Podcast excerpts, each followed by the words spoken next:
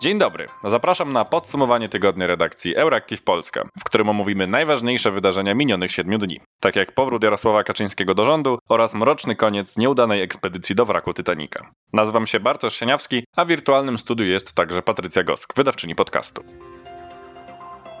Japonia zapowiedziała podwyższenie wieku zgody. Od teraz młodzi Japończycy będą musieli mieć skończone 16, a nie 13 lat, żeby móc wydać rozpoznawaną prawnie zgodę na odbycie stosunku seksualnego. Ustalanie wieku zgody bywa kontrowersyjną debatą. Część społeczeństwa, chcąc chronić dzieci i młodzież przed wykorzystaniem seksualnym, postuluje ustanowienie jak najwyższego wieku zgody. Inni zwracają uwagę na to, że za wysoki próg legalnego wieku możliwości rozpoczęcia życia seksualnego może mieć negatywny wpływ na dojrzewających młodych ludzi, w których buzują hormony. Współżycie z osobą, która nie ukończyła określonego prawnie wieku zgody jest uznawane za gwałt. Wiek zgody waha się w różnych krajach świata. W Polsce wynosi on 15 lat, w Niemczech 16, a na przykład w Chinach 14. Tokio przystało również na zmiany w przepisach dotyczących gwałtów. Do tej pory prawo w praktyce działało tam tak, że ofiary napaści seksualnych mogły być uznane za stawiające niewystarczający opór gwałcicielowi, co niejako przerzucało na nie winę za całe zajście. W nowym prawie zawarto m.in. przykłady sytuacji, w których ofiara może wnieść oskarżenie o gwałt. Zmiany w japońskim prawie są częścią rządowej kampanii przeciwko napaściom seksualnym, do których często dochodzi w kraju kwitnącej wiśni. 18 czerwca w Szwajcarii odbyło się referendum w sprawie neutralności klimatycznej kraju. W głosowaniu wzięło udział 42% uprawnionych do głosowania obywateli, z których 59% poparło odchodzenie od paliw kopalnych i osiągnięcie neutralności klimatycznej kraju do 2050 roku. Projekt przegłosowanej ustawy jest odpowiedzią na szybko topniejące alpejskie lodowce. Przeciwnicy ustawy obawiają się, że może ona doprowadzić do gwałtownego wzrostu cen energii, w znacznej większości importowanej z zagranicy. Naukowcy cieszą się jednak z wyników referendum, które uznają za mocny sygnał w sprawie społecznego podejścia podejścia do katastrofy klimatycznej. Projekt ustawy poparły wszystkie partie polityczne Szwajcarii, poza prawicową szwajcarską partią ludową. Demokracja bezpośrednia funkcjonująca w Szwajcarii zakłada m.in. przeprowadzanie referendów i głosowań w najważniejszych sprawach państwa, w którym nie funkcjonuje parlament w formie znanej z innych krajów.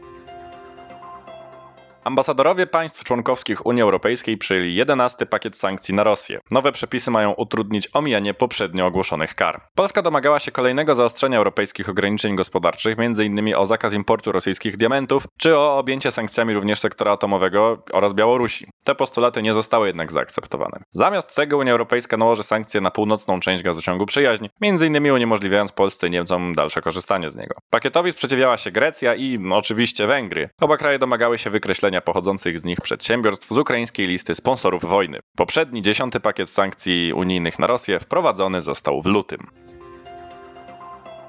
18 czerwca na Oceanie Atlantyckim rozpoczęła się wyprawa głębinowa, której załoga miała w celach turystycznych odwiedzić wrak słynnego Titanica. Do zbudowanego przez prywatną firmę batyskafu wsiadło 5 osób, w tym założyciel przedsiębiorstwa Stockton Rush. Rush pełnił na pokładzie maszyny rolę kapitana, a jego pasażerami byli trzej zamożni przedsiębiorcy oraz syn jednego z nich. Batyskaw Tytan wyruszył dzielnie pod wodę i już nigdy się nie wynurzył. Kontakt z łodzią utracono po niecałych dwóch godzinach od zejścia pod wodę. Na pomoc zaginionym ruszyły ekipy marynarki wojennej i straży przybrzeżnej z USA i Kanady. Tytan miał zapas powietrza na 96 godzin. Rozpoczął się więc wyścig z czasem o uratowanie przybywających na dnie oceanu miliarderów. Wyścig niestety dobiegł końca. Według szacunków ratowników 22 czerwca na pokładzie wciąż nieodkrytego batyskafu skończyło się powietrze. Jeśli pojazd nie został zgnieciony przez panujące na głębokości 4 km pod powierzchnią wody ciśnienie, jego pasażerowie doświadczyli traumatycznej i długiej śmierci. Sama wyprawa była jednak tak źle przygotowana, że aż tak makabryczny jej kres nie powinien właściwie nikogo dziwić. Pojazd Tytan był bezczelnie wręcz prostą maszyną, sterowaną przestarzałym kontrolerem do konsoli do gier. Batyskaw był wielkości niedużego auta i nie miał nawet siedzeń. Zaginieni mężczyźni przez kilka dni, do wyczerpania zapasów tlenu, siedzieli więc po turecku w lodowatej metalowej trumnie, a w otchłań na Atlantyku mogli wyglądać tylko przez kilkudziesięciocentymetrowe okienko. Stockton Rush podkreślał kiedyś w wywiadzie, że kwestie bezpieczeństwa są dla niego zbędnym ograniczeniem. Firma mężczyzny organizuje wycieczki do wraków statków i często operuje na wodach międzynarodowych, w związku z czym żadna agencja bezpieczeństwa żeglugi nie miała jak zweryfikować parametrów technicznych jego łodzi podwodnej domowej konstrukcji. Szanse na odnalezienie batyskafu są marne, tym bardziej, że raczej nikt nie spodziewa się już odnalezienia jego załogi całej i zdrowej. Nawet gdyby cudem udało się wyciągnąć pojazd z głębin jeszcze wczoraj rano, jego pasażerowie cierpieli cierpieliby na nieodwracalne uszkodzenia mózgów spowodowanych nieuniknioną hipotermią.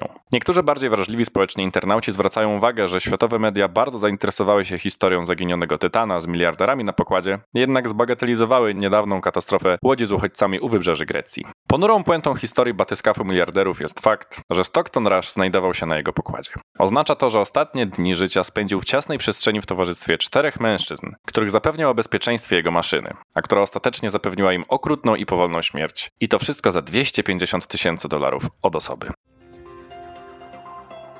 Po tym, jak w Radzie Unii Europejskiej zawarto porozumienie w sprawie dwóch rozporządzeń dotyczących migracji i azylu, ze strony polskiego rządu popłynęła krytyka, zgodnie z którą Unia wraca do nieskutecznych rozwiązań sprzed ośmiu lat i wbrew poprzednim zobowiązaniom znów narzuca państwom obowiązek relokacji. Komisja Europejska podkreśla jednak, że mowa o mechanizmie obowiązkowej solidarności, a nie obowiązkowej relokacji. Różnica ma polegać na tym, że o ile każde państwo członkowskie będzie musiało wnieść swój wkład w funkcjonowanie unijnego systemu migracyjno-azylowego, o tyle nie musi koniecznie przyjmować migrantów. Istnieją dwie inne drogi wsparcia finansowa lub operacyjna, która miałaby polegać na zapewnieniu danemu państwu dodatkowego personelu. Mimo zapisu, że środki solidarnościowe w postaci relokacji, bezpośrednich kontrybucji finansowych i alternatywnych środków solidarnościowych, które mogą przybrać formę wsparcia operacyjnego, są równe, to w praktyce nie będzie to tak wyglądało. Przekonuje w rozmowie z Euractiv Polska wiceszef Ministerstwa Spraw Wewnętrznych i Administracji Bartosz Grodecki.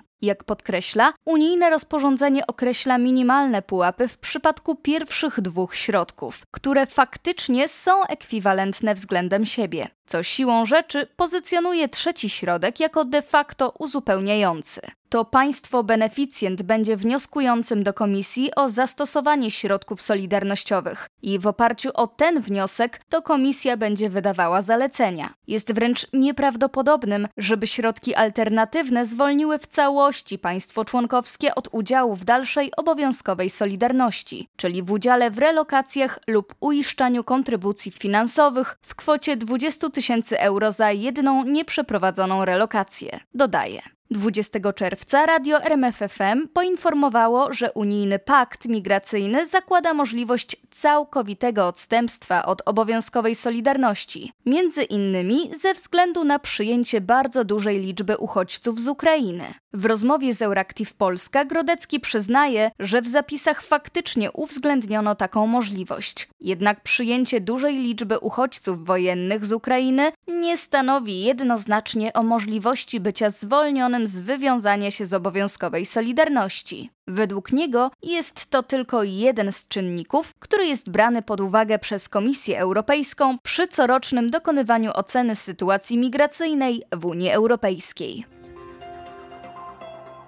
Kenii wprowadzono program, którego celem jest zapewnienie posiłków dzieciom uczęszczającym do szkół podstawowych, tak by wyeliminować problem głodu. Program żywieniowy wprowadzony przez kenijski rząd ma rozpocząć się 28 sierpnia i na początek obejmie stolicę kraju. W mieście budowane jest bowiem 10 nowych kuchni, które będą obsługiwać 225 szkół podstawowych i ośrodków wczesnego rozwoju w Nairobi. W kuchniach będzie pracować 3,5 tysiąca osób, które będą odpowiedzialne za przygotowanie posiłków dla 400 tysięcy dzieci. Cała inicjatywa została stworzona przy współpracy Hrabstwa Nairobi i Food for Education, organizacji pozarządowej zajmującej się wyżywieniem dzieci w stolicy. W planach jest rozszerzenie programu żywieniowego również na resztę kraju. Prezydent William Ruto poinformował, że obecnie programami takimi objęte jest około 1 600 tysięcy dzieci w kraju, ale rząd przeznaczył już 5 miliardów szylingów kenijskich, czyli 36 milionów dolarów, by programami mogły być objęte w sumie 4 miliony dzieci. Musimy wyeliminować wstyd głodu w naszym kraju. Będziemy rozważni i skoncentrowani na zapewnieniu pomyślnego wdrożenia programu dożywiania w szkołach.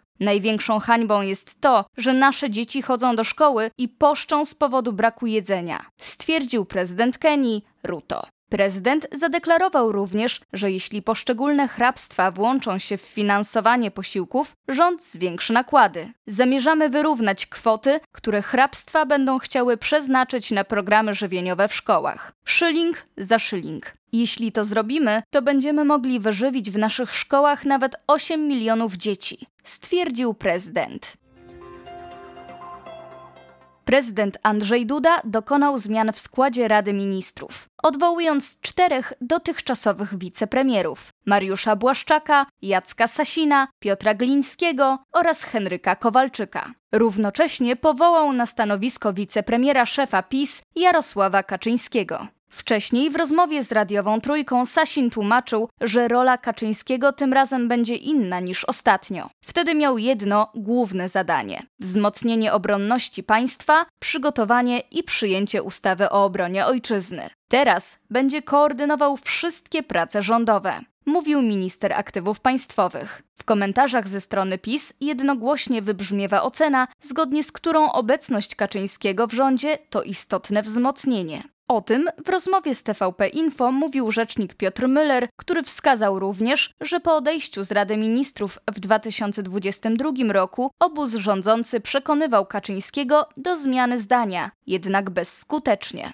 Ze strony opozycji padają głównie uszczypliwe komentarze. Kaczyński wraca do rządu, którym od początku kieruje, a jego formalny szef jest od zawsze jego podwładnym. W patologicznej rzeczywistości państwa PiS wicepremier może wydawać polecenia premierowi, który pełni funkcje ozdobne i techniczne, i śmieszne, i straszne. Ocenił na Twitterze były szef PO Grzegorz Schetyna. Unijni ambasadorowie dali zielone światło europejskiemu aktowi o wolności mediów. Wiele organizacji krytykuje jednak fakt rozwodnienia zapisów dotyczących zakazu wykorzystania oprogramowania szpiegowskiego przeciwko dziennikarzom. Propozycję rozporządzenia w tej kwestii Komisja Europejska przedstawiła we wrześniu ubiegłego roku. Jego podstawowym celem miało być rozwiązanie problemu nadmiernego wpływu rządzących na media, zwłaszcza te publiczne. I tak w przepisach rozporządzenia wskazano między innymi, że ich szefowie i zarządy powinni być mianowani w sposób przejrzysty, otwarty i niedyskryminujący. Chcąc przeciwdziałać tendencji, zgodnie z którą reklamy finansowane przez państwo przyznawane są głównie prorządowym mediom, w projekcie zapisano nowe wymogi ich przydzielania oraz obowiązek podawania informacji o wydatkach na ten cel oraz ich beneficjentach. 21 czerwca ambasadorzy państw członkowskich uzgodnili mandat negocjacyjny w sprawie rozporządzenia, modyfikując je w sposób, który miał uwzględnić różnice w przepisach oraz krajobrazach medialnych poszczególnych krajów. W projekcie rozporządzenia co do zasady zakazano stosowania programów szpiegujących, zarówno w stosunku do samych dziennikarzy, jak i ich rodzin. Przewidziano jednak wyjątek, jakim jest konieczność ochrony bezpieczeństwa narodowego. Sygnatariusze listu podkreślają, że sam ten zapis de facto zmienia wydźwięk całego tekstu, tym samym legalizując inwigilację dziennikarzy. To już wszystko w dzisiejszym podsumowaniu tygodnia Euractiv Polska. W imieniu całej redakcji życzę Państwu miłego weekendu. Do usłyszenia.